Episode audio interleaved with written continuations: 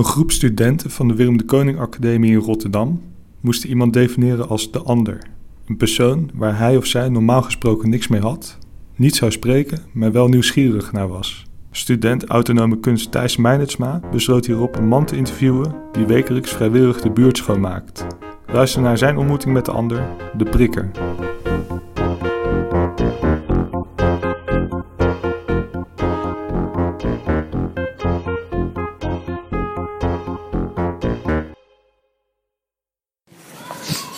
Goedemiddag meneer, Goedemiddag.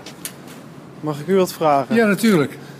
Ehm, ik zie dat u afval aan het prikken bent. Ja, Eh, wa- waarom eh, bent u afval aan het opruimen van de straat? omdat het hier niet gebeurt. Ik ben natuurlijk al wel wat op leeftijd, dus ik moet veel bewegen. Dus ik maak me nuttig. Ik hou hier de buurt schoon.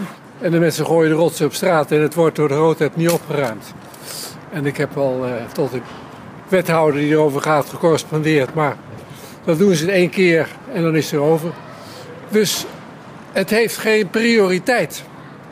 Want het kan anders. Ik heb eh, een tijdje in Madrid gewoond en in New York. Schone steden. Maar er zijn mensen verantwoordelijk. Die krijgen een bepaalde buurt aangewezen. Jij houdt hier de buurt schoon. Hier is niemand verantwoordelijk voor. Werkelozen of mensen die een straf, die moeten dan een dagje prikken of een week prikken. Nou, die worden hier dan losgelaten. Maar die hebben helemaal geen band. Dus geen verantwoordelijkheid. Je moet mensen verantwoordelijkheid geven. Nou, dat stel ik allemaal voor. Daar zitten ze niet op te wachten, joh. Ja. Dus dat is hetzelfde hier. De politiek, jongen, het is verschrikkelijk. Maar je kunt erover dingen, dus denk ik, ik doe er maar wat aan. En er, er, er komt, er komt hier geen prikker.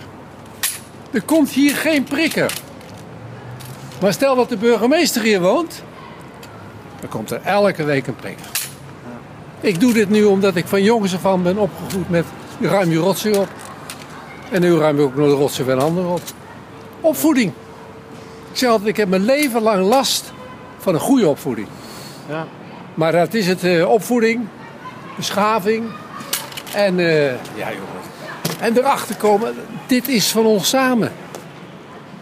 En dan dacht ik, als het jou goed gaat, gaat het mij ook goed. Als het jou slecht gaat, gaat het mij ook slecht. Dat is de wereld. Zo zit de wereld in Ja, elkaar. het is een samenleving natuurlijk. Precies.